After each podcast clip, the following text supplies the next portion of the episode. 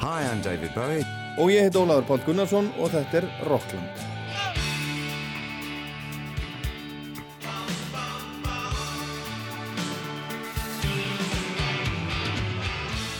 David Bowie er maður dagsins eins og síðasta sunnudag. Þetta er annar hluti af þremur, þriðji og síðasta hluti er eftir viki. Not only is it the last show of the tour, but it's the last show that we'll ever do. Thank you. Well, Heroes was written a couple of weeks before Fripp came down. The drugs in America caused him to be first incommunicable. He, he couldn't speak, he couldn't put two words together. Throw him on a stage, he was fine. He could do the whole show and come off and he'd be a blithering idiot. It was the 70s. People were using cocaine thinking that it wasn't a bad drug. Right, okay, in the last section. Plastic Soul just purely comes out of his sense of humor. Uh, I have no brand loyalty whatsoever. I'm not a protest singer, I'm not a jazz singer, I'm not a rock singer, but I like all those kinds of music. So. Hann var einn af þeim listamennum sem skildi mikilvægi hérna visuála. Það voru ekkert allir tónlistamenn á 18. áratugum sem þöttu það að þú horfir á tónlist. I think I've never seen even that response with Michael Jackson, Elvis Presley, or uh, John Lennon. This is the most I've seen from any celebrity that has passed on. Maybe because he existed in so many forms of art for so many years, five decades. Þetta er svo langur tími. Það mun aldrei gerast aftur, líkast til ekki í, í, í þessum gera einn maður uh, eða, eða einn hljómsveit fái svona langan tíma til að uh, vera í fókus vegna þess reynlega að, að mið, miðla, miðlurinn hefur bara breyst þannig að slíkt bara mun aldrei gerast aftur. Að einn aðili eh, nái að vera svona ofbóðslega lengi samfleitt í, í fókus, í útgáfu, í umfjöllun í útvarpinu. Líftími fólks með áheyrendum eða uh, sínum, svona, sí, sínum hópi hann mun ábyggilega aldrei verða nema nokkur ár í dag eða, og þá á allt annan hátt. Þetta er ástæðan fyrir því hvað margir á ólíkum aldri tengja við þessa tónlist það er náttúrulega því að hann var svo lengi að. Það sér það einhvern veginn ekki fyrir sér í tónlistabransanum að, að svona rosalegar svona rosalegi fóringjar komið fram og það bara fylgið en bara heilu sko, já bara eins og heilu stórþjóðinar Eflust finnst einhverjum verið að komi nóg af David Bowie í bylli en aðri segja að það sé aldrei nóg og viðbróð heimsins alls síðan að dó hafa verið alveg svakaleg. Þannig heyrðum við í þeim byrni Jörundi og Nýdönsk sem heitlaðist á barsaldri af, af Bowie, hefur stúdiraðan, lauginans og lagasmíðar og tilenga sér líka eitt og annað sem hefur einkjent hann og hann hitt hann þegar hann kom hinga til Íslands 1996 og held til tónleika í lögadarsvöld. Og sá sem hann talaði undan honum á ennsku er Mike Garson, píjánuleikari Bowie allt frá 1972 til síðustu ára. Hann var með honum á sviðinu í Þískalandi árið 2004 þannig að hann fekk fyrsta hjartaáfallið sem var til þess að hann aflýsti restinni af tónleikaferðinni, síðustu tónleikaferðinni sinni og hann var líka með Bowie í síðasta skipti, allra síðasta skipti sem hann kom fram á tónleikum árið 2006. Bowie söng þá lægið sitt Changes með Alicia Keys á góðgjara og Mike Garson spilaði með þeim á píjánu. Ég spjallaði við henni í síma á förstu daginn og við heyrum í honum og Bitni Jörundi af og til í þættinum. Ragnhildur Hansson sem held tónleikana 96 kemur líka við sögu og Svana Gísladóttir myndbanda og kvikmyndaframleðandi í London en hún gerði síðustu myndböndarnas Bowie við lögin Black Star og Lazarus. Bowie talar sjálfur í þættinum og Angie fyrir meginkonans og upptökustjórarnir Brian Eno og Tony Visconti og fleiri. En við endum síðasta þátt á plötunni Aladdin Sane eða Lad Insane sem kom út 1973. Henni var fyllt eftir með 100 tónleika tór um Bandaríkin og Japan og það var farið líka til Rúslands og síðan til Englands og platan seldist alla leið í fyrsta sæti breska vinsættalistan, seldist vel og með það hefði bái nú kannski átt að vera ánaður en var það ekki vegna þess að vinsældirnar voru ekki beint hans heldur var það karakterinn, speysaða rockstjarnan sem krakkarnir tilbáðu Siggy Stardust og á loka tónleikum tónleikaferðarnar í Hammersmith Odeon 3. júli 73 í London kom hann með tilkynningu Not only is it not only is it the last show of the tour but it's the last show that we'll ever do. Thank you. Eftir að hafa verið í hlutverki Siggy Stardust í eitt og hálft áriða þar um byll ákvað David Jones frá Brixton að þakka niður í sköpunumverkið sínu. Drepa Siggy. Thank you very much. Bye bye, we love you.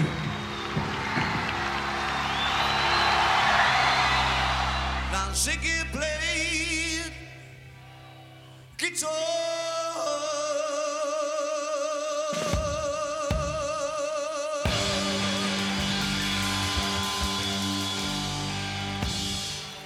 One minute we were doing the show and everything was going fine, you know, and the next he was retiring and the band was fired. Do you know what I mean? It was like I was out of the office for like 10 minutes. Uh, What, you decided to throw everyone away? Þetta var frúin, Angie Bowie. Og hvað svo? Jú, Bowie saði skilið við Siggy, túrin var búinn, hann gat ekki annað en satt skilið við hennan karakter, en Siggy hefur samt lifað góðu lífi síðan, hann lifir meðal fólksins. Og Siggy hafði líka áhrif á fjölda tónlistamann út um allan heim. Það var hægt að gera svona, klæða sig í skrítna búninga og mála sig í framann og koma fram sem einhver annar en maður sjálfur en einhver blanda af manni sjálfum og einhverjum öðrum. Þarna var Queen að fæðast, fyrsta platan þeirra kom út viku eftir að bá í Drap Siggy, Kiss var til 1973 og svo framvegis. Og sömur vilja meina að Rocky Horror Picture Show hefði aldrei orðið til án Siggy Stardust. sjáanlega áhrif fyrir þann sem skoðar þetta eftir á eru hvað þetta mm, fór víða og varð, varð vinsælt að, vera vera haldið flassi, vera haldið búinn en ég held að hann hefði nú ekki verið kannski endilega fyrstur til þess. Þetta var eitthvað að krauma náttúrulega en hann var kannski fyrstur sem að sló í gegn á því eða með því. Þetta sama ár og Bávi sendi Siggy aftur inn í skáp, gaf hann út coverlaga plötuna Pin-Ups, þar sem að syngur lög eftir og þessa, áhrifavalda frá sjönda áratögnum, lög eftir Who og Kings og Pink Floyd og Easy Beats til dæmis.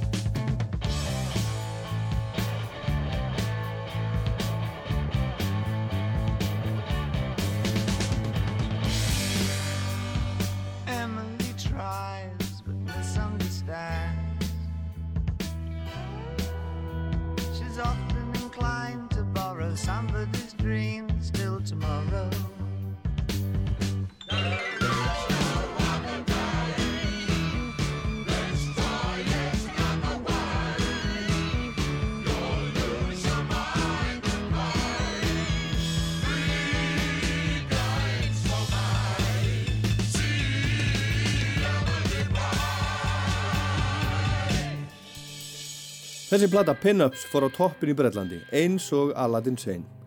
Restin af árinu 73 og fram eftir 1974 var Bóvi að vinna tónlistarleiri útgáfa á verki George Orwell 1984, 1984, framtíðar fantasíinu. Hann vildi þess að gera söngleik en það hafði hann dreymt um frá því hann var úlingur. Það var alltaf það sem vakti fyrir honum í upphafi.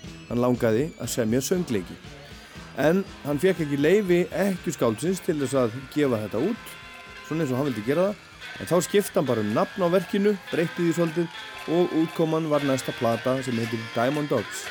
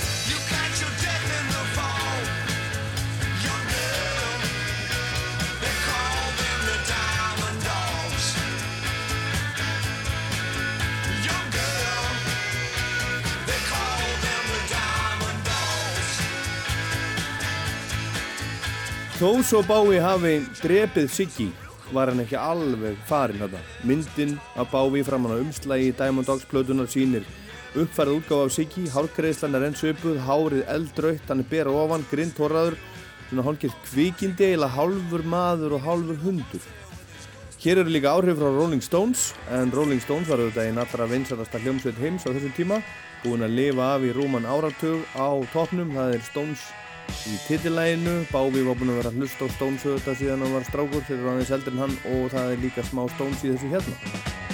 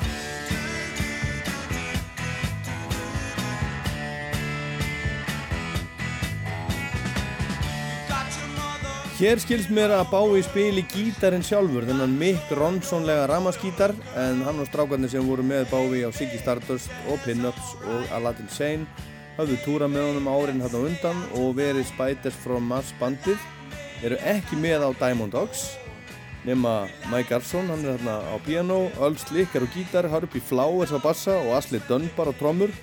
Og þarna kom Tony Visconti, upptökustjóri aftur inn í líf Báis upptökustjórin sem átti eftir að gera með honum flestar af plötunum hans næstu árin, sumar af hans bestu plötum og gerði svo með honum síðustu plötunar og þar á meðal þessa nýju, Black Star. En Mike Garson, píjónleikari, hann er hérna, hann er líka með á Pin-Ups og Aladdin Sane. Ég náði henni í síma núna fyrir helgina og spurði hann hvernig það hafi komið til að hann byrjaði að spila með báði. That goes back to 1972. He came over from England to do his first American tour. This would have been with the Spiders from Mars. And he didn't have a pianist. So he asked around. He knew a lovely lady and singer, Annette Peacock. She was an avant garde singer. I had played piano on her album a few months before. She was a friend of David's. He respected her. In fact, both uh, Mick Ronson and David were big fans of hers. You could even hear it in David's voice occasionally, even though she's a female voice. And she recommended me. So he called me, and uh, funnily enough, I was giving a piano lesson in my home in Brooklyn, and I had a student there, and the phone rings, and I didn't know who he was. I was a jazz musician. I didn't know too many of these other names in rock. So I think he liked that. So I was invited to an audition in New York City, in Manhattan, which was 20 minutes from my house. But I had a little one year old daughter there and a new piano student, and my wife was working, and I asked the piano student to babysit my daughter, and I ran out of the house and I went to the audition. And there was Mick Ronson at the piano giving me the music to the song Changes. And uh, as the story goes, I played about seven seconds, and he said, "You have the gig." And I said, "I haven't even warmed up." He said, "No, I can tell." And I said, "There's your answer to your first question." Yeah. And what did you, the young jazz musician in New York, think about these these English blokes? They looked insane to me and crazy. And I'm in a I'm in a t-shirt and jeans, and they're all decked out, red hair, gray hair, white hair, blonde hair, wild shoes, platform kind of shoes, very high, and all kinds of stuff. And I thought this could be an interesting trip. Mike Garson, piano séni, píanuleikari Báís allar götur frá 1972 og næstum til enda. Hann saði honum núna þegar nýja platan var í smíðum að það væri ekkert piano á plötunni, Black Stars hann var að gera annað að þessu sinni en Mike Garson hann sagði okkur hérna á hvernig þeir kynntust hann og David Bowie og Mick Ronson þessir ungu ennsku brjálaðingar 25 ára gamlir 1972 og hann uh, ungi jazzpianistinn sprenglarður, nýbakaðu fadir var ráðinn á staðnum.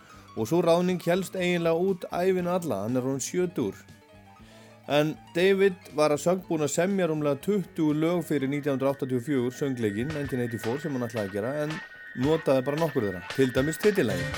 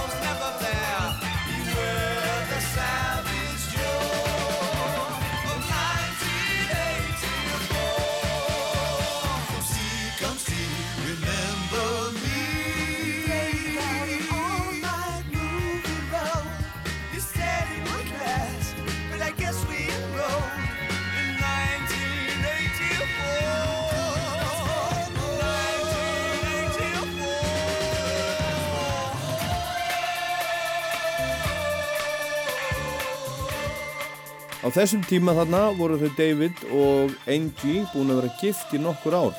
Þau hafði alltaf verið svolítið sér á parti, höfðu til dæmis bæði átti í samböndum við annað fólk utan hjónabandsins og á þessum tíma kynntist Bávi söngkoninni Öfu Cherry og hún varð nýja konan í lífans. Angie virtist vera sama til að byrja með en henni hætti að standa sama þegar David flutti til New York til að vera meira með henni. Þá blossaði upp öfund og alls konar illindi. David fór í mjög dýra og tilkoma mikla tónleikaferð um bandarækinn til að fylgja Diamond Dogs plötun eftir og nú var engu til sparað. Hann vildi ekki bara bjóða upp á tónleika, það var gammaldags, hann vildi setja upp sjó, blanda saman tónleikum, látbræðsleik, dansi og öllu mögulegu, vildi gera koncert leikhús. Risa band, Mike Garson. Yeah, it was the most expensive tour we ever did. The set that was we had that had to be set up in each place we went, going from the East Coast to the West Coast. It was so expensive, and there were so many props, and it was a large band, and it was it was like musical Broadway. The band was in the pit. We weren't even on stage with David. And we had uh, Michael Kamen, who was the music director at the time. I was playing piano. He was playing synthesizers like the ARP synthesizer and things of that nature. We had uh, Dennis Davis on drums. We had Pablo Rosario on conga drums and bongos and things of that nature. We had Luther Vandross, who was became a megastar, wonderful voice. He brought six wonderful background singers with him. We had Carlos Alomar on guitars, and he was just just terrific. I was playing piano, and it was the music from the Diamond Dogs album, which was really mostly created by David, and uh, I did the piano stuff. So we spent a lot of time in Olympic Studio in London recording that album. So we had a lot of time together, David and I, and it was a time he was working on cutting up lyrics and things of this nature. It was a fascinating band. Uh, we did Space Oddity, and he'd go out on a crane. He'd be sitting above the audience. It looked like a like a space vehicle, and and it got stuck one time, and we were nervous how we were going to get him back, and it was very very hairy when that happened.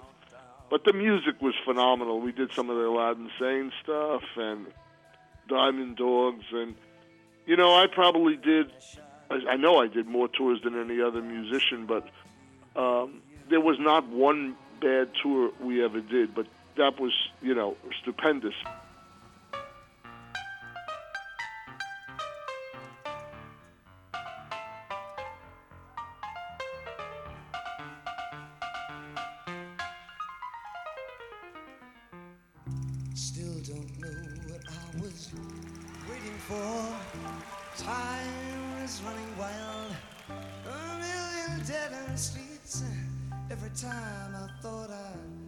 It it seemed the taste was not so sweet. Then I turned myself to face me. Ooh, but I never caught a glimpse how the others must see the faker. I'm much too fast to take that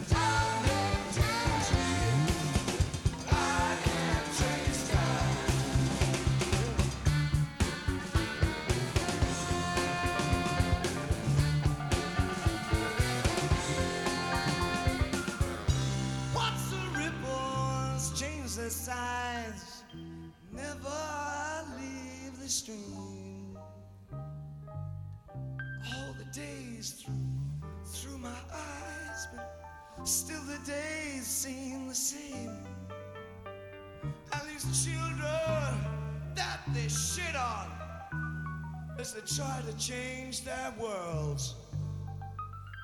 Ooh, they're immune to your consultation. They're quite aware of what they're going through.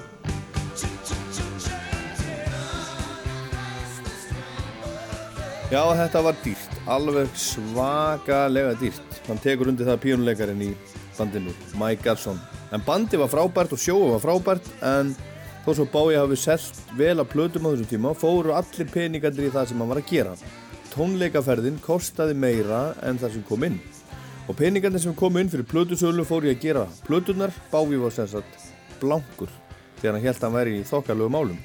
Umbóðsmaðurinn hans, Tony DeFries, hafði svikið hann, að minnstu kosti gata hann ekki skili stöðuna öðruvísi. David var 27 ára gammal þarna, búinn að vera að berjast í rauninni í áratug, búinn að gera nýju stórar plötur.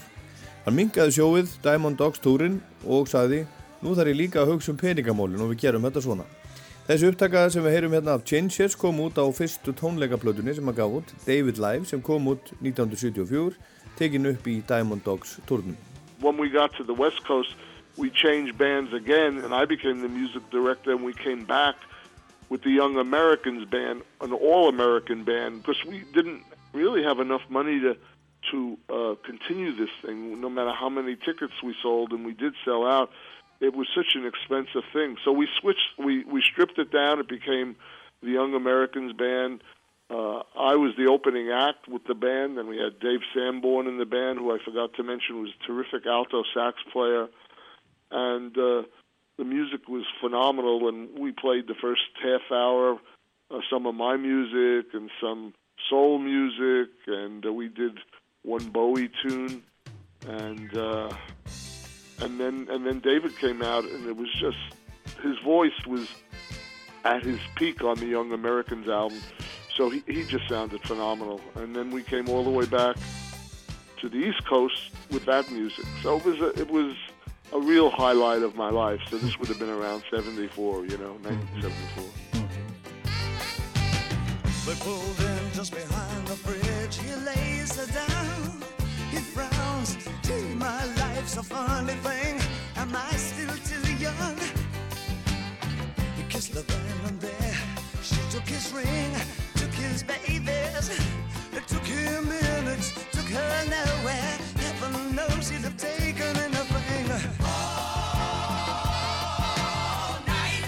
She wants a young American. Young American, young American. She wants the young American all night. But she wants the young American standing right through the picture window. She finds a slinky vagabond. He calls I stand. Heaven forbid she'd take anything. But the freak and his life for nothing. This is a step and cuts his hand. Showing it swoops like a song, she cries. Where above Papa's hero's gone. She wants a young American. Young American. Young American. She wants the young American. Well, she wants the young American. Þarna var komin alveg nýr David Bowie. Árið var 1975, hann var í Ameríku, í Philadelphia að gera soulmusik.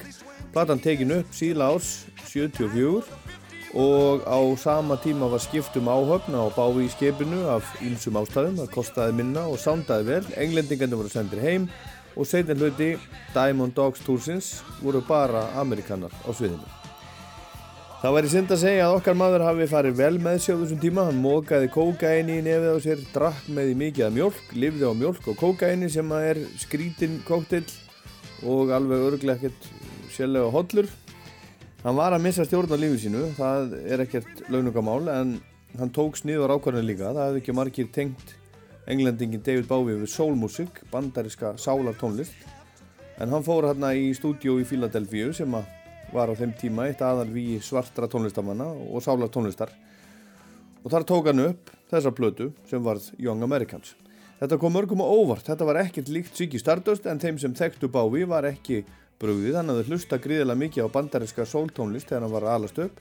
Gleymum ekki að hann átti sér engan stærri draum þegar hann var nýjára en að verða saxofónleikari í hljómsveitinni hjá Little Richard. Plastic Soul just purely comes out of his sense of humor.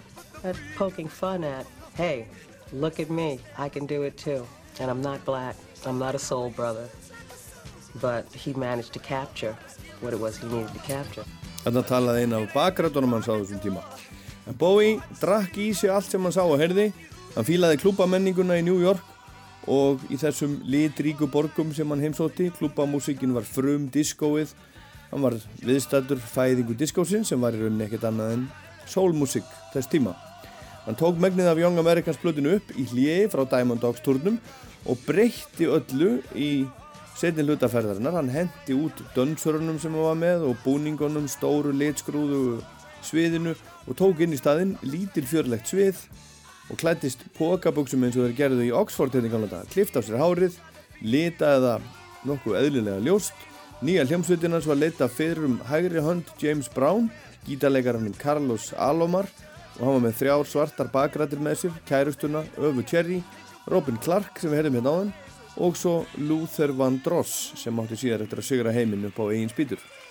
En við heyrum hérna af David Life, lægin Knock on Wood sem var gamall sálarsmellur sem átti nokkur árum síðar eftir að slá í gegn sem aldrei fyrr með Amy Stewart þegar mál málana var disco.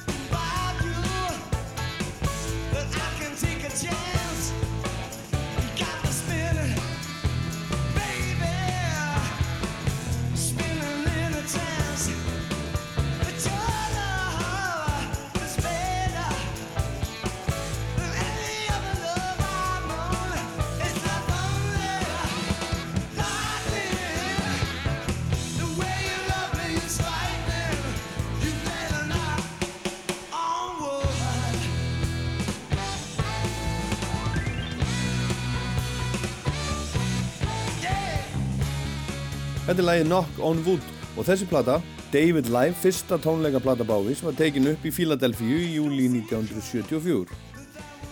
Á plötunni Young Americans er til dæmis útgáfa Bávís á bítlalæginu Across the Universe. En það er ekki allt, það er alvöru bítláfinni líka. Frum bíl vegna þess að John Lennon kom í heimsókn í hljóðverðið daginn og hann og Bávi byggu til lítið lag út frá gítarstefi sem gítarleikarin Flinki, Carlos Salomar var búinn að setja saman en hann var einn nánasti samstagsmaður Bávis í ára tugi.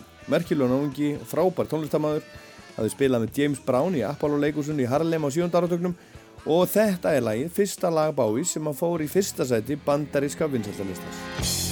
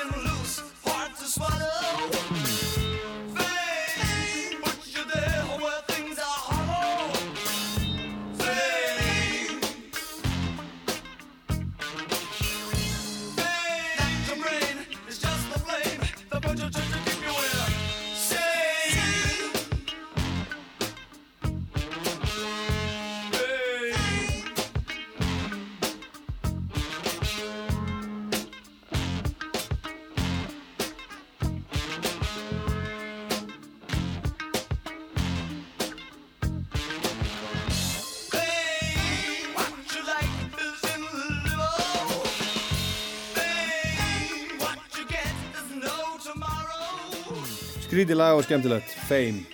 Bávi var risastóra þessum tíma heima í Breitlandi en með Young Americans plötunni sló hann í gegn í Ameríku líka.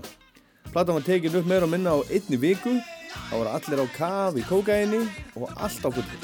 It was the 70s. People were using cocaine thinking that it wasn't a bad drug.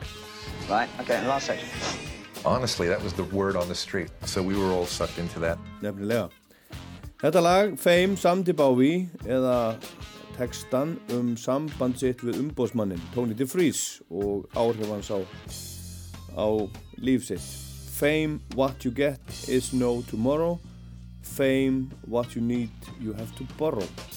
Það má lesa ímyndilegt út úr þessu, en hann fór að ráðum Lennons vinnar síns, saði skili við umbóðsmannin, stemd hann fyrir rétt og hafði betur, þurfti samt að afsala þetta semja við hann, afsala sér hluta höfundaréttagreifna fyrir þær plötur sem hann hafði gert árin sem hann var samningsbundin til frís, sem sagt allar plötunar sem hann var búinn að gefa út. Young Americans platan seldist vel og báfi orðið númer í Ameríku, kom sér fyrir í Los Angeles og þó svo þetta hafa allt saman litið vel út utanfrá var prívatlífið í mólum. Fíknin var farin að taka sinn toll. The drugs were what caused him to be unbearable to work with. He wasn't god awful when I met him. He really wasn't. He was charming. The drugs in America caused him to be first incommunicable. He he couldn't speak. He couldn't put two words together. Throw him on a stage, he was fine. He could do the whole show and come off and he'd be a blithering idiot. But like Marianne Faithful, throw him on a stage and he was fine. But that's not enough. I'm sorry. I wasn't in awe of what he did on stage. I've, I've seen better people on stage. What I was interested in was whether we were delivering quality material. I, I know it sounds camp, but I'm serious. I'm really that old fashioned. I just wanted to know that it was a great show and the music was as great as it could be and you could hear it and they looked good and it was exciting. Well, I accomplished that. I couldn't accomplish anymore. After that, he wouldn't talk to me. After that, I was persona non grata. All he wanted to do was to get rid of me. Þannig var hún Angie Bowie sem var gift David á þessum tíma að tala. Hann var bara ræðilegur, dópusti, óþólandi að vera í kringum og vinna með. Þannig að þegar hann var hvað vestur í Ameríkunni. En á sama tíma var maðurinn í símanum, píjánuleikarin Mike Garson, að vinna með honum, bæði á sviði, að túra með honum og vinna með honum í stúdíónu í Philadelphia. Well, we were at Sigma Sound, which was in Philadelphia, where all the soul musicians recorded and the black musicians, and it was an amazing experience. I, I couldn't play a wrong note on the piano. It was like it was all in the walls. I could just pull the notes out from all the sessions that had been done there. It was a magnificent experience. Every musician was on the top of their game. We did a lot of jamming. When David was inspired, he'd stop everything and sit down with his acoustic guitar in the studio and just fool around, searching for songs. Uh, he sang great. Um, Luther Vandross with the background singers put together amazing vocals, and David contributed to that, and they used to rehearse that. It was uh, just a wonder to watch them put this music together. I think that album, David's voice sounds better than any other album, and some aspects of that album, in a way, make it his best album. But it's a hard call because then there's Aladdin Sane, there's Hunky Dory, there's Outside, there's so many great albums, Diamond Dogs, you know. Even Pinups, which was covers of English musicians, is a great album. See Emily play uh, the piano is very interesting on that. On the Diamond Dogs album, you have Sweet Things and Candidate, which he really let me experiment on the piano as much as I wanted. Young Americans, on the other hand, I played very simple gospel piano, pop elements, and very understated, but very powerful.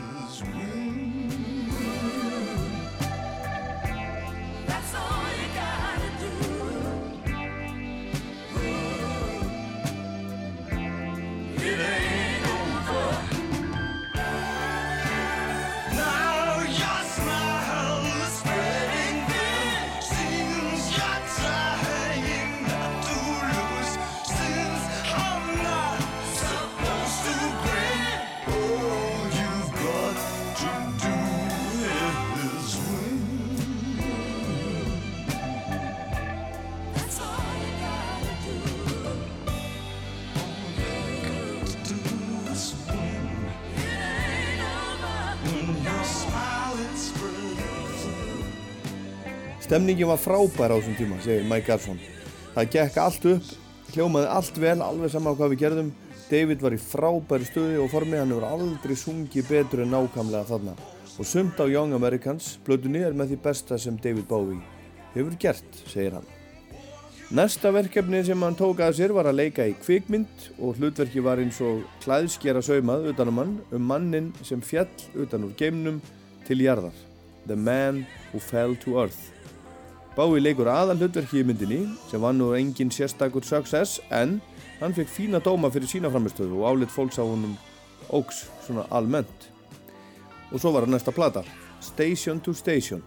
Hún kom út 1976, hann tók hann upp með Young Americans bandinu og þar var enn einu sinni komið nýr David Bowie, nýtt lúk, nýr karakter sem fekk nafnið The Thin White Duke eða mjói hvíti hertoginn.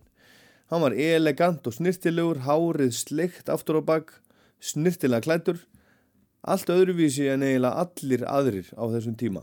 Þarna voru allir meira að minna með sítt hár, til 1976, allir í snjáðum gallaböksum og bættum, en Bávi var eins og vennilega allt öðruvísi.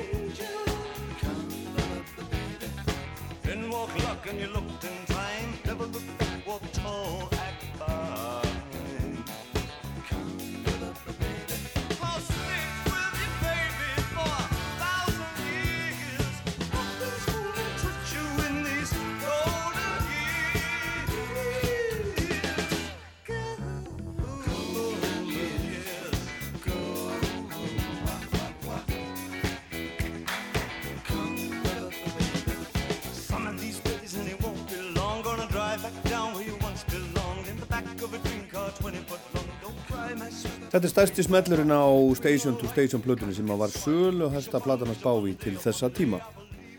Honum leið nú ekki vel hann í Borg Englana þar sem hann bjó og hann átti síðar eftir að segja að Los Angeles væri hræðilegu staður sem hætti helst bara að þurka af yfirborðið jarðar. En þar og þarna í þessu umhverfi varð nýja típan til The Thin White Duke sem var líkast til blanda af karatörnum sem hann hefði verið að leika The Man Who Fell to Earth og Paranoid Kokain Fíkli klættur í svart og hvít, grinn, tóraður, lifði á mjólk og duftinu dýra. Hann gaf út sapplötu eða útgáðan hans gaf út sapplötu Changes One Bowie í mæ 76, bara nokkru mánuðum eftir að Station to Station kom út og hún seldist eins og heita lumur og kom fótónum fjárhagslega undir hann.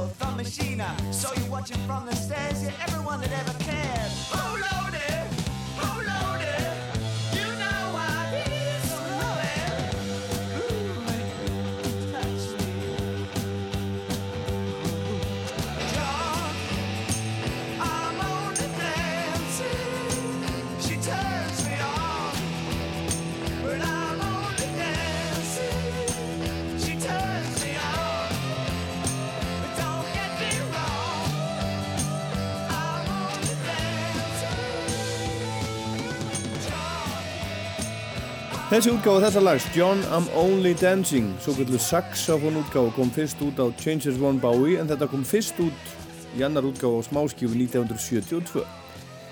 En það næsta sem okkar maður gerði var að fara til Sviss og hann kefti hús þar fyrir sig fyrir Angie og sonin Sái.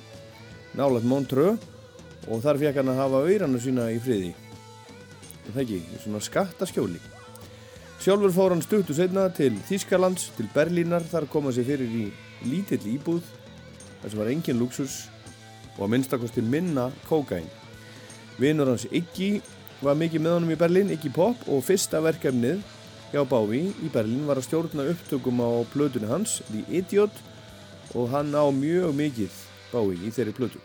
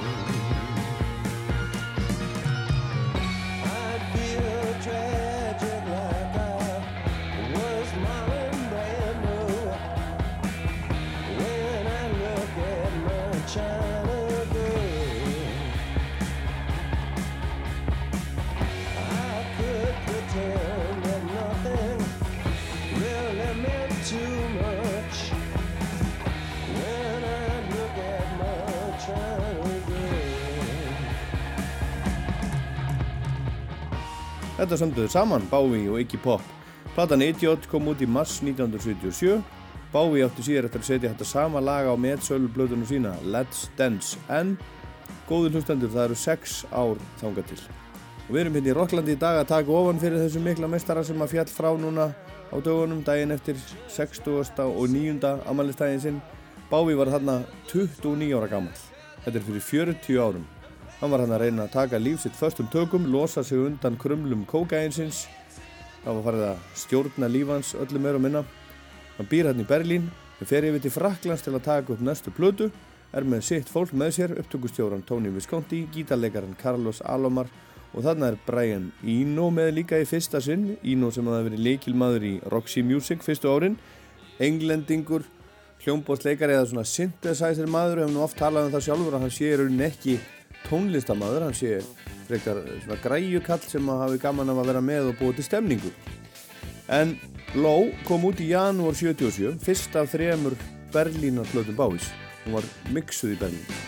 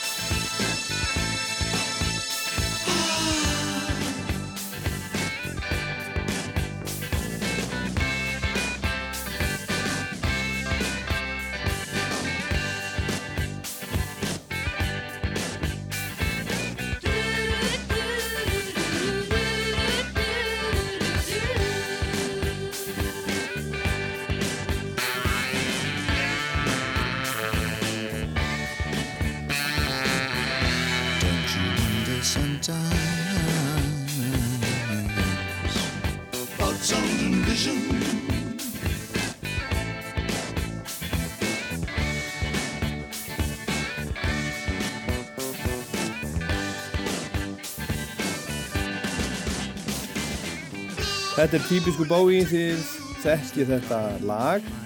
Þetta eru líkast til eitt mesta poplægið á lowplötunni Sound and Vision. Enda var þetta vinsalt. Þetta er að skrítið í læginu, það er ekkert sungið í því fyrir hann að tveir þriði eru búnir og það þykir skrítið í dag og þótti ennþá skrítnara á þessum tíma.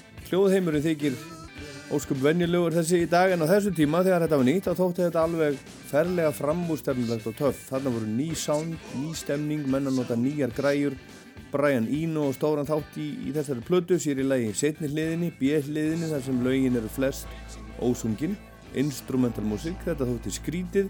Og ég mann þegar ég var að kaupa, kaupa bá í katalógin, aftur í tíman í safnarabúðin á sunnum tíma, þegar ég var unglingur, rétt rúmlega unglingur kannski, þá keipti ég Low en ég man að ég nefndi ekki að hlusta á þetta þá. Þetta var of súrt fyrir mig og hinnar margar plötunar aðrar miklu aðgengilegri og að mér fannst skemmtilegri.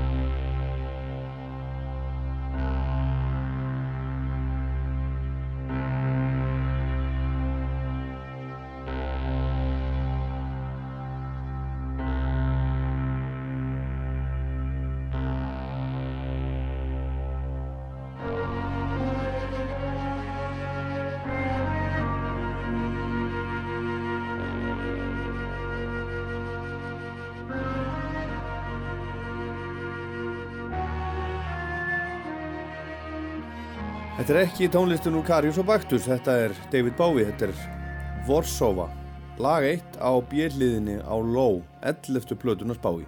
Og þeir eru fyrstu í Berlínar þrennunni eins og Eno hefur alltaf kallað Low og plöturnar tvær sem komu eftir, plöturnar sem voru gerðar í Berlín 77 og 79. Gaman að geta þess að hljómsveitin Joy Division sem átti eftir að vekja aðtegli nokkrum árum eftir þetta með kuldalegu rockinu sínu hétt uppaflega Vorsófa eftir þessu lagi og þessi plata, Low, er stórt skref í raf tónlistarsögunni, svona varða í henni. Low er mjög merkileg og mikilvæg plata í tónlistarsögulegu samingi en hún seldist ekki vel. Eftir að skoðun sagfræðingar segir að það hafi verið tónlist Berlínar á þessum tíma sem hafi tókað bái til sín og það er örgulega rétt að einhver leiti en hann var líka að reyna að koma skikki á, á lífsitt. Það var svona bland í póka. Ef við lítum í baksinni speilin og skoðum hvað var helst að gerast í tónlistinni í Evrópu á þessum tíma þá var punk í Breitlandi á Íslandi var það spilver þjóðana og þursaflokkurinn í Svíþjóð var ABBA að gera allt vittlust á þessum tíma og í Þískalandi, sérilega í Berlín voru nýjar hljómsveitir að prófa allt aðra hluti. Það er í dag kalla krautrock, minimalist, ravrock, súrt rock og ekki rock heldur eitthvað allt annað og hljómsveitirna sem voru aðal héttu Nói, Tangerine Dream og síðast ekki síst Kraftwerk. Berlína plöturnar eru uh, stórmerkileg uh, rispa hérna í, í ferlinum því að það eru keimlíkar og ólíkar öllu öðru sem er að gerast. Þetta hefur einhvern veginn þau áhrif að kaldi töffarinn, hann, hann verður sá sem allir vilja vera. Það er náttúrulega alveg sérstaklega töff að gefa út plötur sem eru með þessum förðulegu instrumental uh, heilu hliðum, tvær plötur. Þegar þú ert uh, billboard eða, eða, eða vinsælda lista tónlistamæður og ert að gefa út á samningi sem að næri út um allan heim hjá risastóri útgáfu þá er svolítið skrítið að sá sem á að selja plötuna fyrir því fái að gera þetta uh, ég bara hugsaði að sé ekki algengt eða hafa allavega ekki verið það þarna eða bara aldrei eftir gert. Að neitt sem að var á þessu þessu rjúkandi flugi sem að hann var í sínum uh, já, vinsældum í bandaríkjónum og víðar sérstaklega eftir, eftir náttúrulega Young Americans fari út í svona lagað svona lagaðar hugmyndir og aðgerðir á þess að skada hann þannig að hann hverfi bara og verði bara svona fyrir ákveðin hóp sérlundara áherenda en, en nei nei þessi stað þá bara virkaði þetta og gekk fullkomlu upp og þess að plötur bara seldust vel og það sýnir kannski bara hvað hann var búin að ná fólki einhvern veginn í gott samband við sig til að sko fá til að setjast niður og, og hlusta og gefa honum tækifæri til að bjóða upp á eitthvað nýtt. Björn Jörgundur heyru meiri honum og eftir og öðrum gestum en það ætti ekki að fara fram hjá neinum að þessi þáttur fjallarum David Bowie.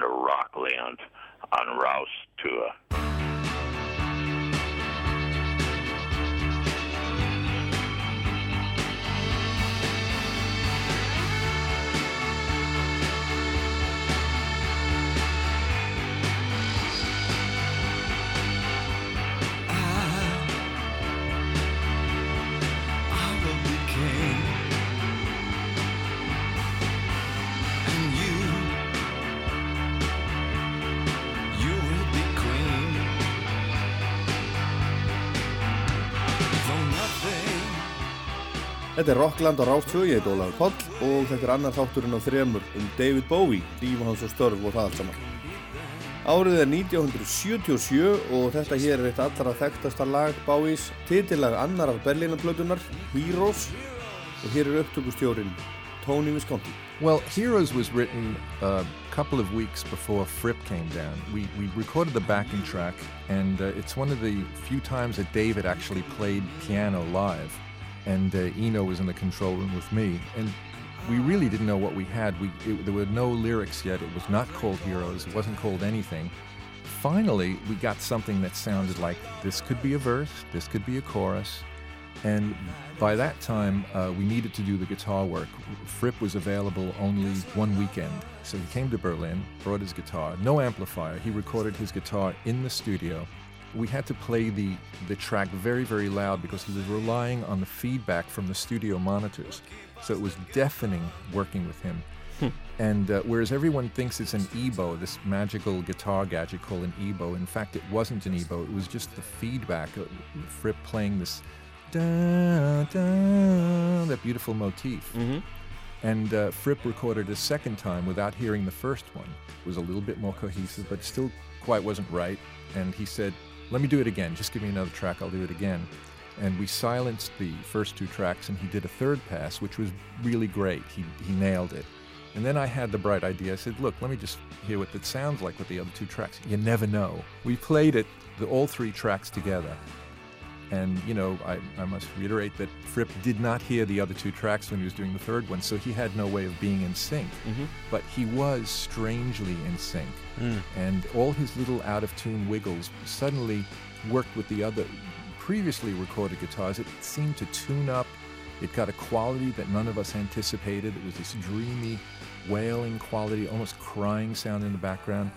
And we were just flabbergasted. This is uh, I have to point out, like Mark Bolan, David doesn't like to spend a lot of time in the studio either. He really does believe in the Zen moments. You know, the accidents to him are more important than finessing something.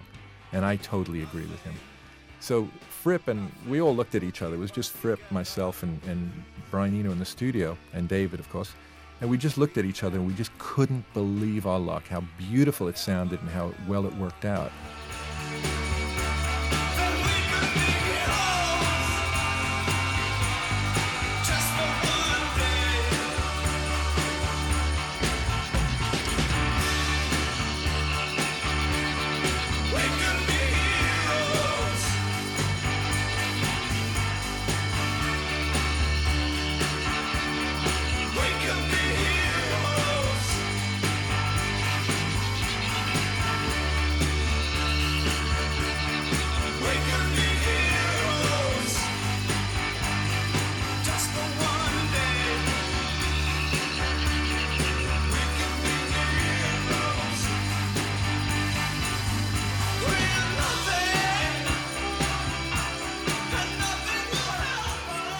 Tony Visconti, einn nánasti samstafnaða Bávi, sagði okkur hérna frá því þegar þið voru í Berlín 77 að taka upp þetta lag. Gítarleikarin er Robert Fripp, jafnaldri Bávis og á þessu tíma þá var hann búinn að gera gardin frægan með hljómsveitinni King Crimson.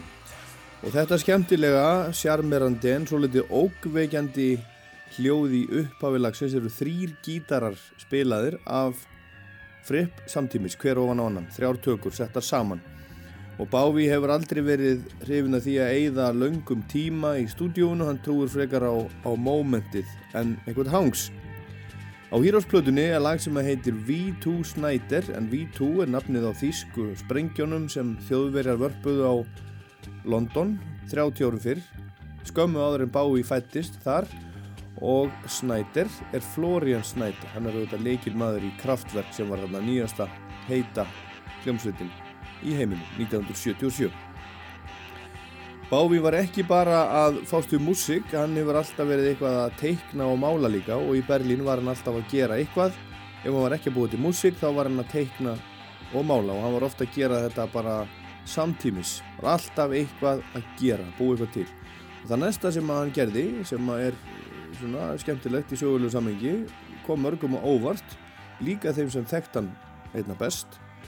Hann félst á að taka þátt koma fram í bandarískum jóla sjónvastætti þar sem aðal maðurinn var Bing Crosby. CBS gerði hann þátt og hann kom þangað og söng með Bing.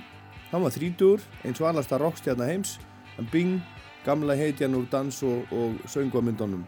Frá stríðsárunum sá sem söng Singin' in the Rain og White Christmas og 74 ára. Hello. You the new butler? well, it's been a long time since I've been the new anything. What's happened to uh, Hudson? I guess he's changing. Yeah, he does that a lot, doesn't he? Um, oh, I'm David Bowie. I live down the road. Oh. Sir Percival lets me use his piano when he's not around. He's not around, is he? I can honestly say I haven't seen him, but come on in. Come in. But uh, come on in. Are you related to Sir Percival? Well, distantly, yeah. Oh, you're not the uh, poor relation from America, right? Gee, news sure travels fast, doesn't it? I'm Bing. Oh, I'm pleased to meet you. You're the one that sings, right? Well, right or wrong, I sing either way. Oh, well, I sing too. Oh, good. What kind of singing? Well, mostly the contemporary stuff. Do you, uh, do you like modern music? Oh, I think it's marvelous. Some of it really fine. But tell me, uh, you ever listen to any of the older fellas?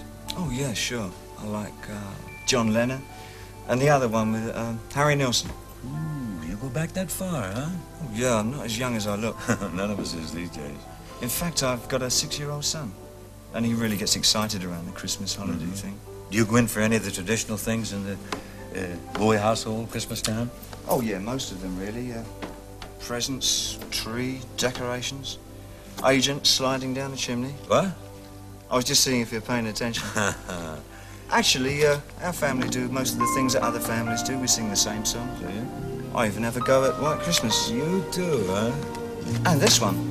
This is my son's favorite. Do you know this one? Oh, I do indeed. It's a lovely thing. Come, they told me, ba-rum-pa-pum-pum. A newborn king to see, ba-rum-pa-pum-pum. Our finest gifts we bring, ba-rum-pa-pum-pum, rum-pa-pum-pum, rum-pa-pum-pum. Peace on earth, can it be? Years from now, perhaps we'll see. Our see the day of glory.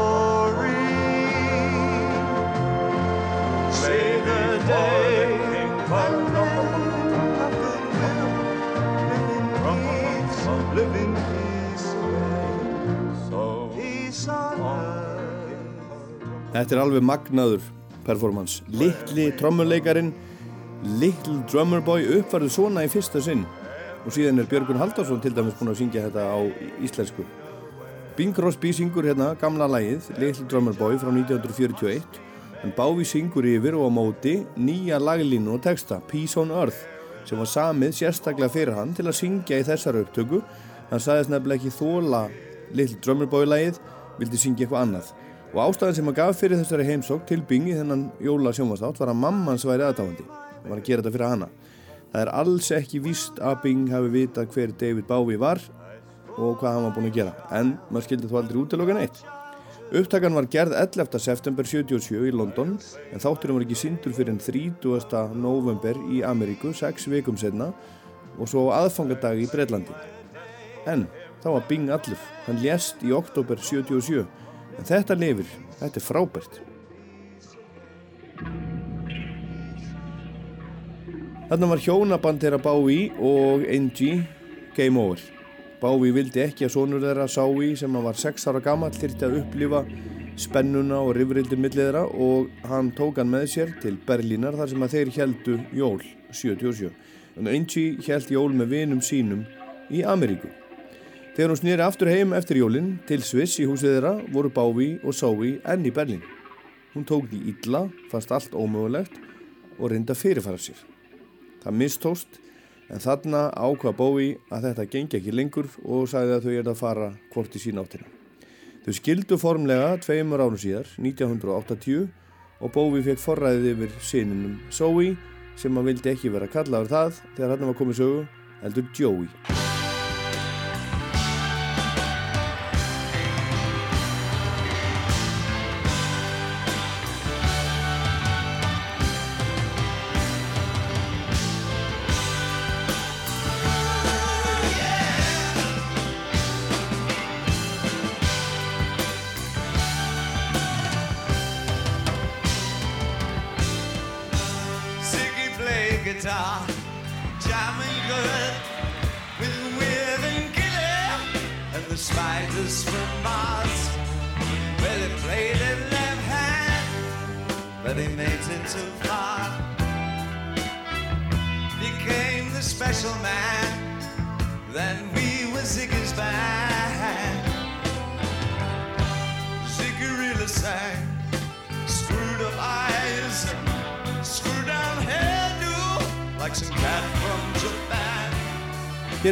Siggy Stardust ljómar á tónleikaplötunni States sem kom út í september 1978 í miðri Ísólar 2 tónleikaferðinni sem hann fór um Bandaríkin, Evrópu og Japan frá mars til desember 78. Þetta gekk vel, Bávi var sjóð heitur og hann gerði eina plötu í viðbóð meðan hann bjó í Berlín. Hún heitir Lodger, kom út í mæ 79 og þar var eins og á Low og Heroes hans hægri hönd Brian Eno. working with David Bowie was was a wonderful experience anyway. He's a kind of a genius, you know. But the the part of it that I remember really well now is how how funny it was because he's extremely witty. I mean, one of the funniest people you could ever meet, and it, it's quite surprising because it's it's probably not something you would immediately intuit from his public persona. So you're saying those Berlin records were a barrel of laughs, huh? With, with well, the funny thing is, they were. Yeah. Yes, I mean they. They, we worked on them very seriously in the sense of we were both really committed to doing something, to stretching it somehow, to going somewhere new. But there was a lot of fun during the making of them as well.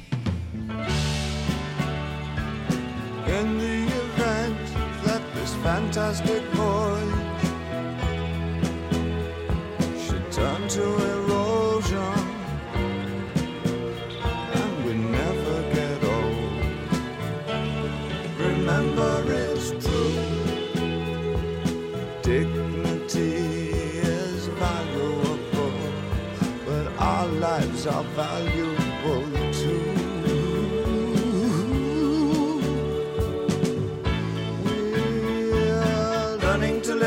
somebody's depression. And I don't want to live with somebody's depression.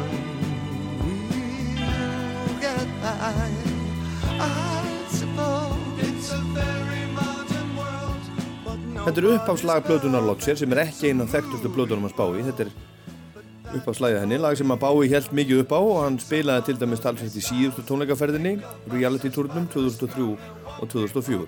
Og Björn Jörundur heldur mikið upp á þessa plötu. Við vorum að, ég og vinnum minn æskufélagi vorum í, vorum svo hefnir að vera aldur upp að plötusafni stóra bróður hans. Og þar var þetta allt saman bara og fleira en við, við kvektum sérstaklega á, á honum. Og fórum að stúdur þetta, þetta var allt öðruvísin allt hitt. Og við fjallum alveg í stafi. Ég, svo, svo þegar ég var nýja ára, átti nýja ára ammalið þá óskaði ég mér þess að fá nýju plötuna með honum í jólagjöf nei, í ammaliðskjöf fyrir ekki og hérna það var Lodger platan sem er stór skrítin plata Já. en þetta var mín plata og mín eina plata og ég lustaði bara á hana sleitu löst og er ennaði Og var það þá kannski Heroes sem þú varst svona að heyra þetta undan?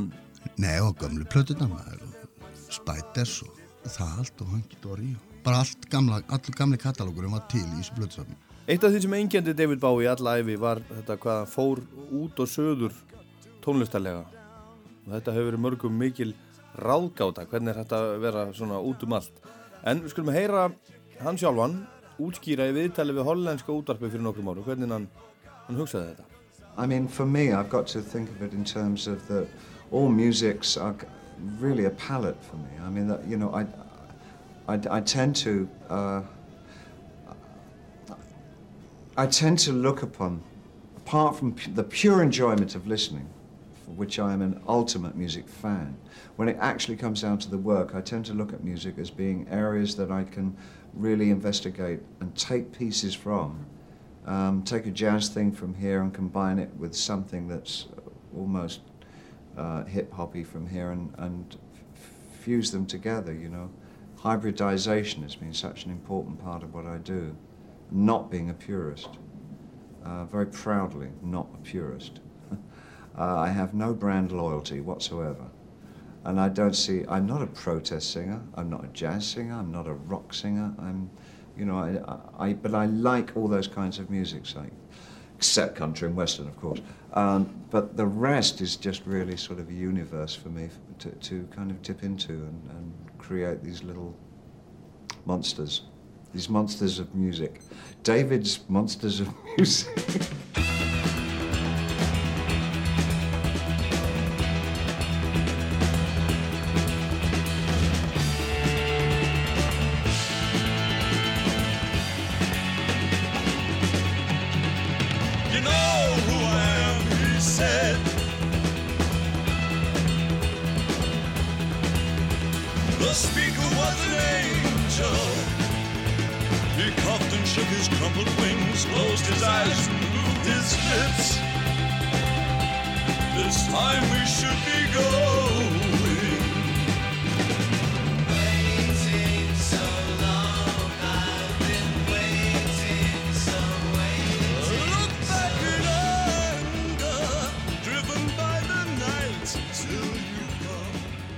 Hérna í Rocklandi í dag að minnast og taka ofan fyrir David Bowie sem lést 69 ára að aldri 10. janúar síðastlinn, tveimur dögum eftir að hann var 69 ára og eftir að hann sendi frá sér síðustu blötuna Black Star sem að var eins konar kveðjugjöf hans til okkar og við erum að fara yfir hennan svakalega feril allar þessar blötur stikla á stóru Lodger-platan, þriðja og síðasta Berlínar-platan kom út 1979 en um haustið 80 flutti Bowie til New York þar sem hann tók að sér að leika á sviði Joseph Merrick sem var kallað Fílamadurinn sama ár var svo frumsýnd áhrifamikil kvikmynd, svart kvítmynd um Joseph þennan sem að David Lynch gerði.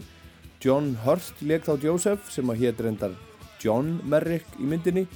En hann var til þessi John eða Joseph Merrick hann var englendingur, fættist í Leicester 1862, lést 27 ára gammal á sjúkrahúsi í London hann var mikið vannskapaður var til dæmis með risastórt afskræmt höfuð og gat þess vegna ekki sofið öðruvísi en sitandi og það var þegar hann leiði sér að leggjast út af sem hann dó. En allavega, David leik fílamannin á sviði í New York og þótti gera það vel. The Elephant Man. That appealed to me because of my. I have a sort of eclectic thing about freaks and isolationists and alienated people. Sort of, I kind of gather information on people like that.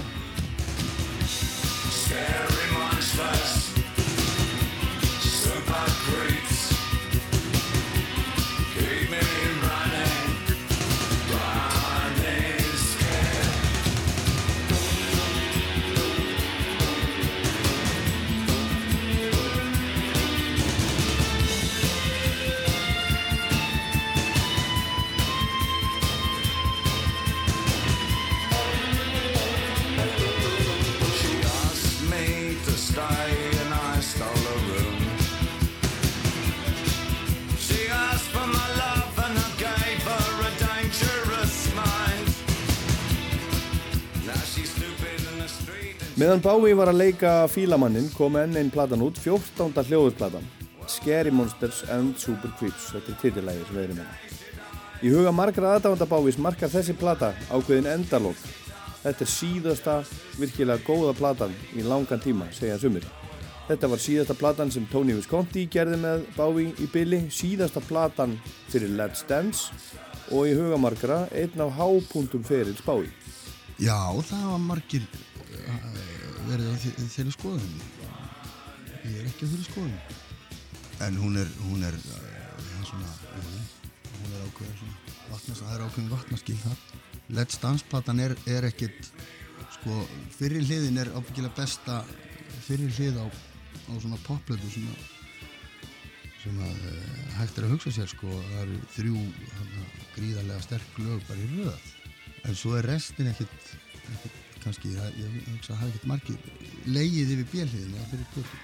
Það slettist upp á vinskapin á milli þeirra Bowie og Visconti eftir þessa plötu, Scary Monsters and Super Creeps og eitt af því sem kom fram á þessum tíma og síðar var að Bowie fannst Tony tjá sig full frjálslega um sonans, hann Joey, hann vildi að það væri ekki verið að tala mikið um hann í fjölmiðum fast að tala um mikið. Og þeir tók ekki upp þráðinn aftur fyrir en löngu síðar, hann leiði næstu í 20 ár En þekktasta lægið á þessari blödu er líkast til Ashes to Ashes sem er merkilegt og gott lag.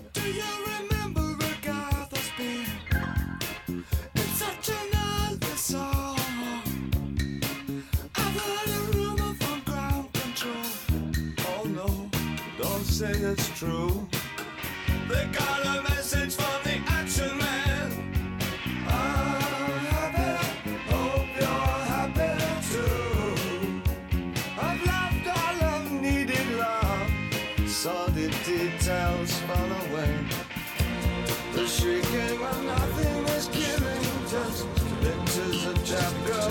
synthesis and I ain't got no money and I ain't got no hands.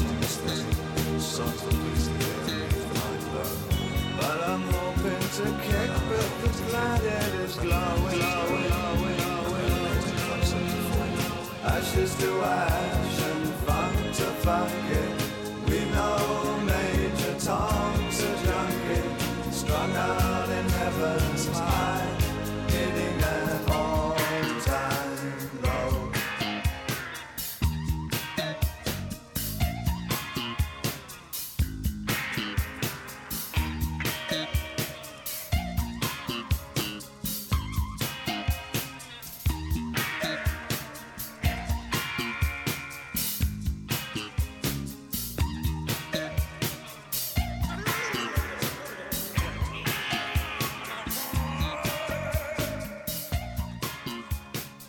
Þessu lagi og ekki síður í myndbandinu sem að var gert er Bowie svolítið að opinbera lífsitt og sögu. Hann syngur um Major Tom sem er sögu heitjan í fyrsta heitaranum Space Oddity. En hér eru liðin meira en tíu ár síðan það var og Major Tom orðin dópisti. We know that Major Tom is a junkie. Og þarna er hann í rauninni að syngja um sjálfan sig. Í myndbandinu sem er fullt af táknum og myndmáli er Bowie eins konar trúður. Myndbandi vakti aðtegli ekki síður en lagið. Assist to Assist var annar lag báist til að komast í toppsæti breska listans.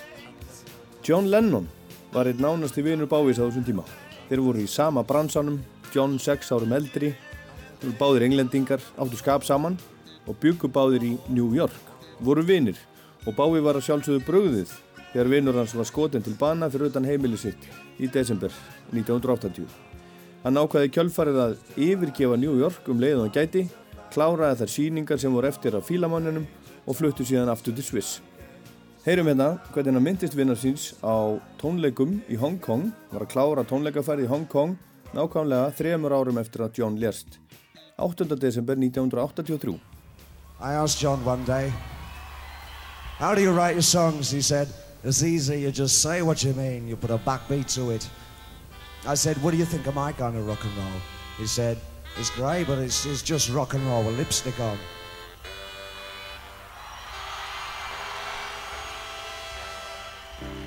Imagine there's no heaven.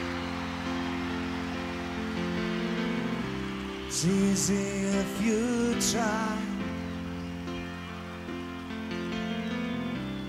No hell below us. Above us only sky. Imagine all the people living for today. Imagine there's no country. Já, Bái sérði vinsinn og hérna er hann að syngja lægið hans Imagine í Hong Kong.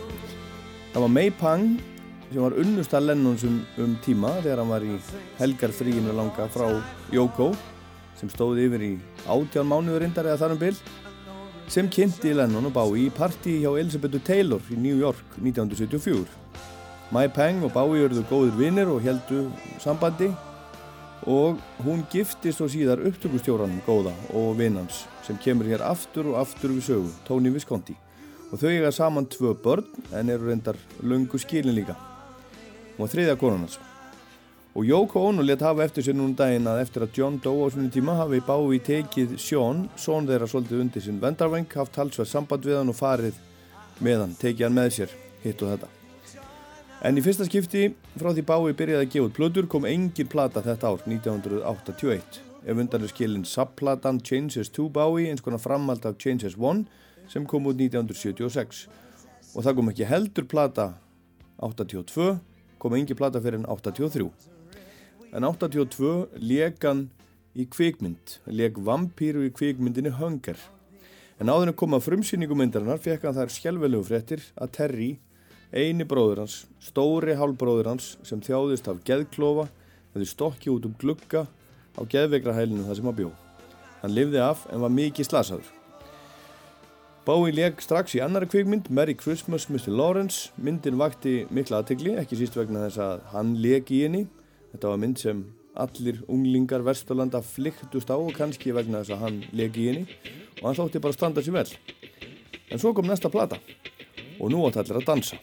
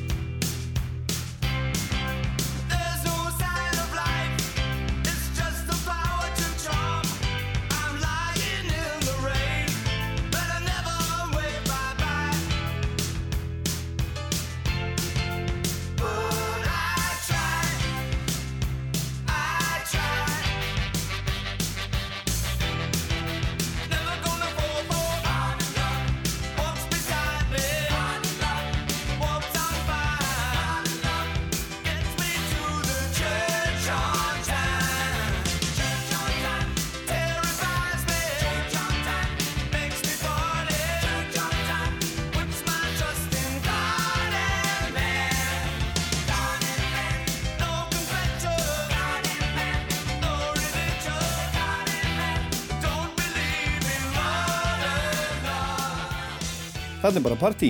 Þetta er Let's Dance, platan Let's Dance kom út um vorið 1983 og þetta var alveg svakalegt hitt. Platan fór á toppin í Bretlandi og Fraklandi og Þískalandi, á Íslandi, í Svíþjóð og í Noregi, á Nýja Sjálandi og bara út um allt. Það var alveg hrikalega vinsalt. Allar sveita balla hljómsveitur á Íslandi reyndu að spila þessi lög eins og þetta, Modern Love, China Girl og titillagið Let's Dance. Það var nýja áhörn með Bávi á þessari plötu. Tony Visconti var ekki í náðinni, það hafði kastast í kekki millir þeirra nokkur máru fyrir eins og ég sagði. En það stóð til um tíma reyndar að Tony gerði þessa plötu með honum en svo breytist það og Bávi bað Nile Rodgers um að stýra upptökum plötunar og vera sín hægri hönd. Þetta skref kom mörgum óvart vegna þess að þessum tíma hafði Nile Rodgers aðalega gert diskómusík og það var kannski ekki það sem þótti mest töff á þessum tíma. Hann hafði leikt hljómsveitina Chic árin hann á undan, stjórnuð upptökum á plötu með Diana Ross og Sister Sledge, að, disco, en hann átti síðar eftir að gera plötur með Duran Duran og NXS, Mick Jagger, Brian Ferry, Deepest Mode og Madonna. En þarna, 1983, þóttu þetta svolítið sérstakt, en þetta svínvirkaði. Þessi átjónda platans, allt er talið með, er mest selda platanans, hefur selst í meira en 10 miljónum eintaka. Þarna var bávi orðin almenningseign og það voru ekki allir gömlu fylgjendunir ánæði með það. Þeim fannst sinn maður hafa sett sig á útsölu. Ég held að það er að við bara mótkast að því að hann gerði eitthvað annað en við reiknuðum með bara eins og þegar þegar Billan fekk að stingi ramagn það er bara, fólk átti ekki vona á þessu. Berlína plöturnar hérna og, og, og Scary Monsters eru, eru ofbóðslega ólíkt öllu sem að var, var að gerast og svo kemur allt í hennu bara algjört vinsaldalista pop þannig séð en samt ekki vegna þess að öll þessi lög eru uh, frábær lög. Þó að þessi einföld poplög þá eru öll með eitthvað svona sem frá honum kemur sem að gera þau alltaf aðeins betri en hinn poplög já já ég meina hann var bara að gera það sama hann hafði alltaf verið að gera bjóð til eina plötu og hún var nokkuð heilstift sem slík og ekkit endilega platan sem var uh, gefin út síðast. Þetta, ég alltaf sé þetta bara sem svona eitt af þeim skrefum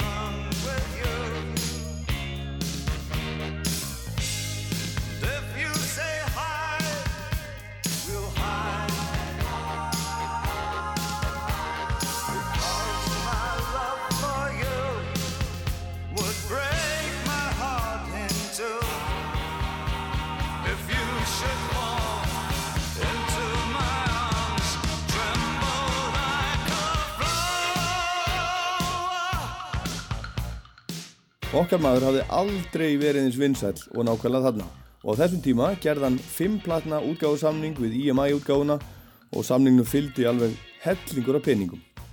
Hann gerði nokkur tónlistamindbönd eins og allir sem voru eitthvað á þessum árum gerðu.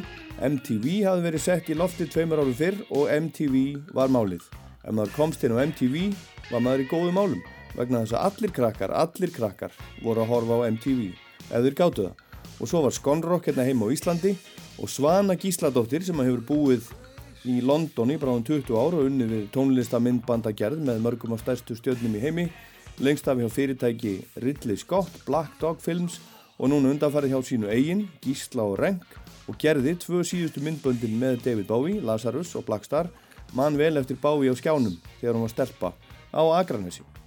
Mitt tónlistatímabil þegar ég byrjaði náttúrulega að hlusta og, og horfa á MTV í fyrsta skipti í, uh, in, the- in the 80s og það var náttúrulega rosalega mikið Bowie og, og Michael Jackson sko, hann, eins og ég náttúrulega er í músikvídeum núna að atvinnu þannig að þau höfðu mikið áhrif á mig sem stelpa um, en það myndi ég ekki hafa flutt frá Akranesi til London til að vinni því nema ég hef verið með sko ástriðina fyrir því en hann var einn af þeim listamennum sem að skildi mikilvægi, mikilvægi hérna, visuala með tónlist.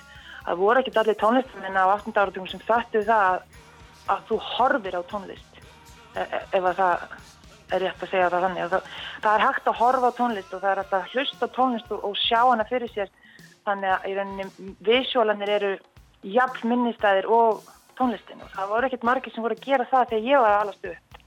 Það var kannski Michael Jackson og svo komið Duran Duran og eitthvað svona en, en Bowie var alveg fremst í flokki með það. Þannig að ég hef mjög sterkar minningar bara við að sko verða ástfangin af tónlist og visualum í gegnum hann.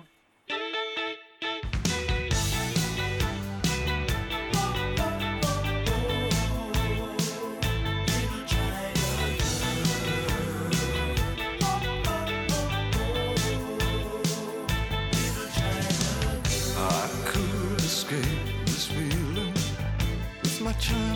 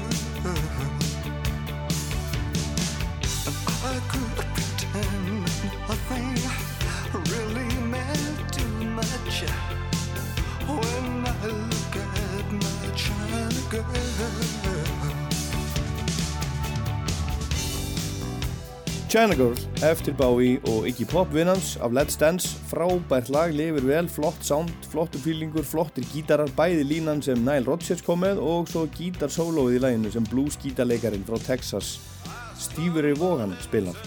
Bowie fór og hitti hinn svo til óþægta Steve Ray á Montreux Jazz Festival í Sviss árið 1982 og sá hans að spila og heitlaði svo gjössamlega af, af spilamennskunni hjá hafði ekki heillast svona af neinum gítarleikara síðan hann sá kornungan Jeff Beck löngu áður, sagði hann síðar. En þeir spjöldluði eitthvað saman, David sagðist alltaf verið í sambandi, fá hann til að spila með sér og Stevie var ekki mikið inn í músikinans bái og var svo sem ekkert að, að pæli þessu en var hissa á hvað hann var vel að sér í Texas Blues og öllu mögulegu. Nokkur mánuðum síðar hafði Bowie svo upp á Stevie þar sem hann var í Kaliforníu og fekk hann til að koma og spila inn á Let's Dance og Stevie sem er löngu látin sagði á þeim tíma að það hafi verið gaman og auðvelt að vinna með honum. Bowie hafi leift sér að sprikla að vild, spila það sem að vildi og flest sem hann spilar á plötunni séu tvö eða þrjú teik En Bowie sagði um plötuna í viðtali einhvern tíman að, að vinsaldirnar hafi komið sér gríðarlega á óvart þrátt fyrir allt. Hann var þarna að gera nýja hluti eins og alltaf í sínum huga. Gera tilraunir, blanda blues, gítaleg saman við danstónlist. En þetta var bara vinsæðla en allt það sem hann hafi gert til þess tíma og í rauninni síðar. Ragnhildur Hansson sem stóð fyrir komu Bái hinga til Íslands 1996 var búin að vera aðdáandi síðan hún var 13-14 ára gömul í rúman áratug þegar hún sá Bái í fyrsta sinn á tónleikum í Fraklandi í túrnum sem hann fór til að fylgja eftir Let's Dance. En í þessum túr spilaði Bái fyrir 2,5 miljón manna. Ég sá hann í Freysus í Fraklandi þegar ég var í námi í Suðu Fraklandi og ég hafði ákveðið það að fara aldrei á tónleika fyrir en ég fengið að fara og sjá Bowie. Þannig að þetta voru fyrstu tónleikandi mínir. Við áttum engan penning og þurftum að hérna smikla okkur í, í lestina til að komast til Freysus og, og þar sáum hann í tökkvölduröð sem var alveg meira áttar.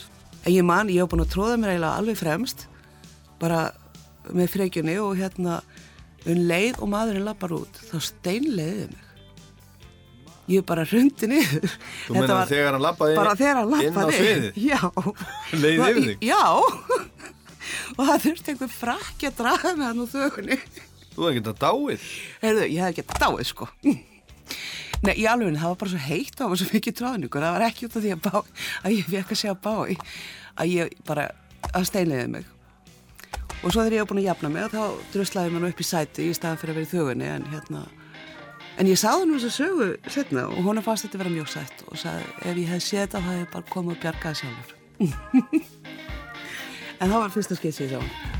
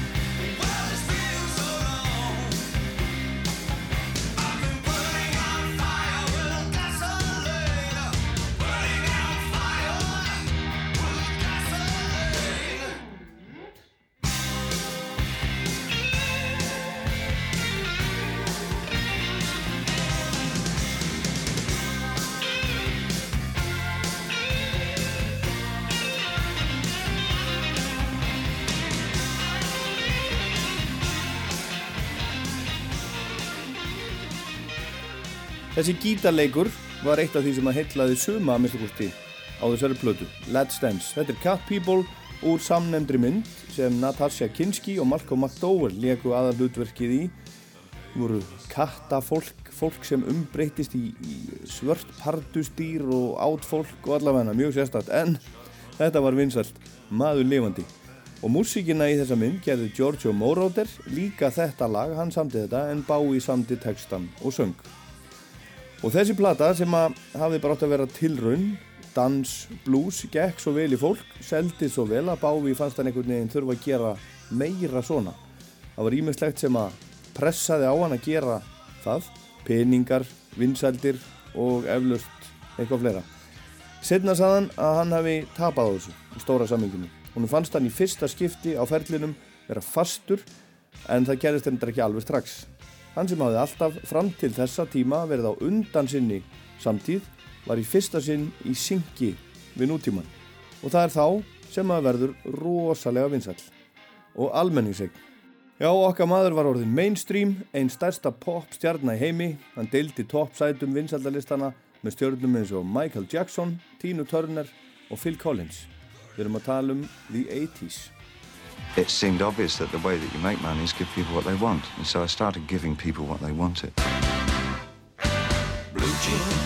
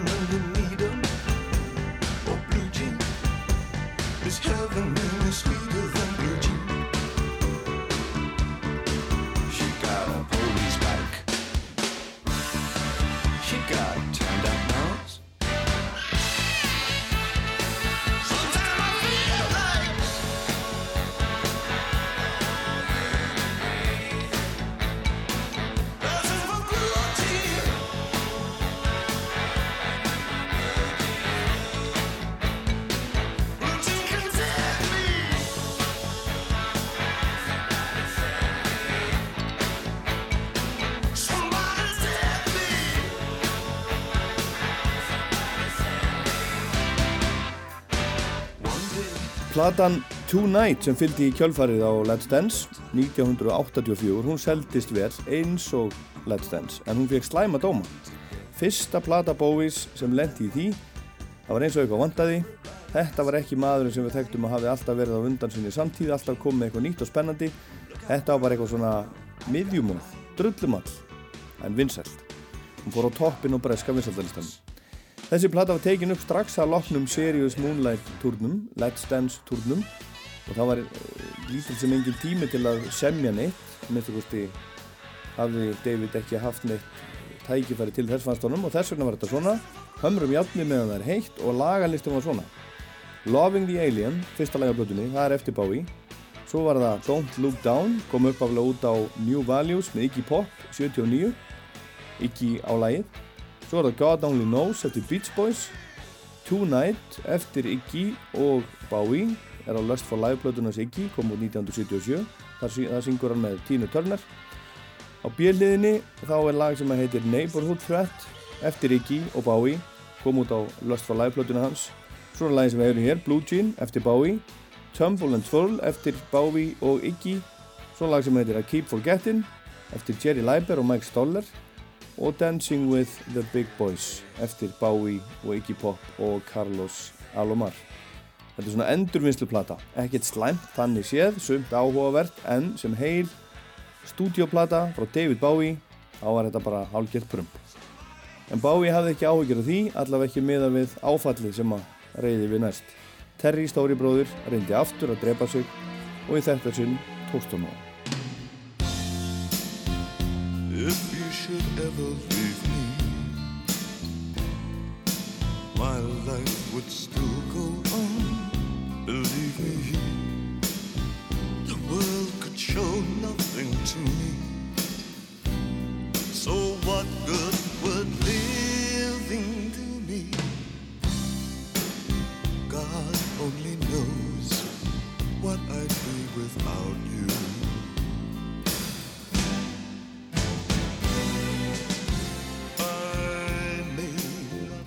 Dauði Terrys í janúar 1985 fekk mikið á David eins og gefur að skilja. Terry var, jú þrátt fyrir allt, hans eini bróður og helsta fyrirmynd í æsku. Þú voru nánir í æsku. Terry fór með David í bíó, hann fór með hann á tónleika, hann kenda honum að meta jazz og svo rock og svo framvegis. Það sem eldri bræður gera með yngri bræðum sínum. Hann er lítið fyrir sér fara næstu mánuði en þá um sömarið var hann einn af þeim fjölmörgu sem að samþýttu að koma fram á Live 8 og þeir muna það sem upplifðu Live 8 myndbandið sem þeir gerðu, Bowie og Mick Jagger. Það var svo vinsælt að það var gerð grín útgáð því í áramótaskautunni hérna á Íslandi.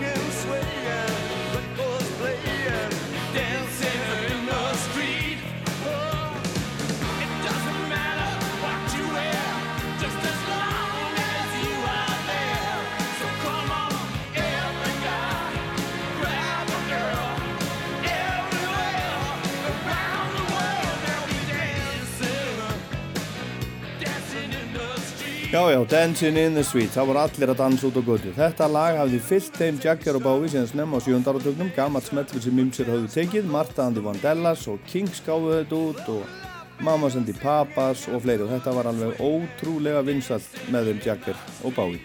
Þetta er svona eitt af lögunum sem að þessi kynnslóð, 80's unglingarnir muna eftir. Gamlir aðdáðundur Bowies, kannski sérstaklega sögðu, af hverju sömduður ekki frekar saman nýtt lag. Hvaða leti og metnaði leysi og hallarisgangur er þetta? En ég man að þeir þóttu bara svolítið gamlir og krumpaðir þessi kallar, sérstaklega Jagger sem var þetta gammal þarna 42 ára gammal bái aðeins yngri, tæplega færtu en áður en okkar maður gerði næstu plötum leik hann í tveimur kveikmyndum hann leik í ævintýramynd James Henson Labyrinth, leik þar Jareth the Goblin King og svo leika hann eitt aða hlutverkið í kveikmyndinni Absolute Beginners sem var svona allavega á papirnum áhugaverð pæling og hann samtið það líka titilægið þetta hérna, frábæra lag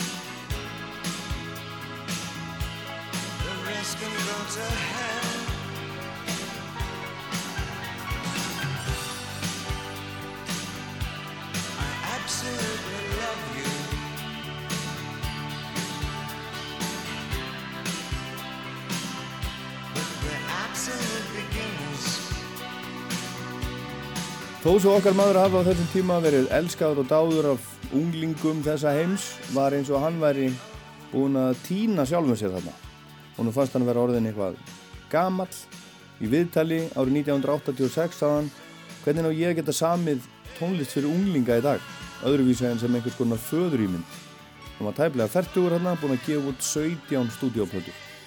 Hann sagði í viðtölum að hann væri búinn að gefast upp á útarpinu músikinn sem var í spilu þar var í svo leiðileg hann nefndi ekki að hlusta á hana, hann hlustaði bara á gamlu plötunar sínar heima hann hældi tónlistamanninum Paul Young í hástert og sagðist vera orðin leiður úr því að þurfa að þræta við fólk um hvað væri rétt eða rámt í öllu og engu. Þetta var svona ægin ennið sér ekki lengur. Who cares?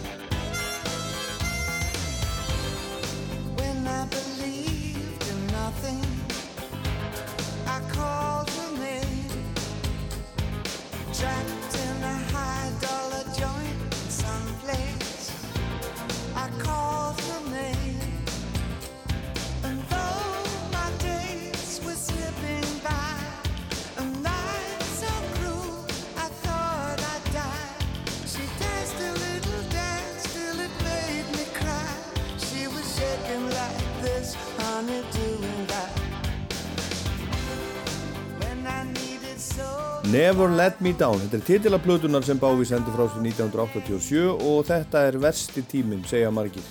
Þetta er sísta platan og Tonight sem komu undan. En kannski er bara að tala um þetta þannig vegna þess að hann sagði það síðar sjálfur. Já, hann segir nú sjálfur að þessi svona hann hafi verið eitthvað farin að, eða hafi slegið slöku við þar og áhugaðlaus og, og dottið hans í yðnaðinn meira en venilega maður bara að taka orðans fyrir því líklega er það satt. En þeir eru ekkert frábærar en Neverlet Me Down finnst mér enda ræðislega skemmtileg því að ég hlustaði mikið á hana vegna þess að ég fór út til uh, Þýskalands á tónleika með, með þessum vini mínum sem ég byrjaði að hlusta á bái með 8 ára gammal þá vorum við 15 ára og fórum til Hamburgar á tónleika með hann og sáum hérna Glass Spider Tour það var mjög gaman Ég heit Ólaður Páll, þetta var Rockland, þriði og síðasti bái þátturinn er eftir viku. Þá ætla ég að skoða tíman frá 1988 til 2004 og svo loka verkið, hverði plötuna, Black Star.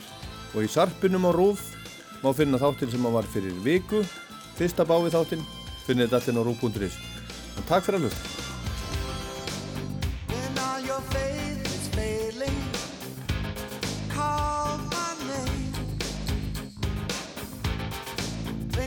got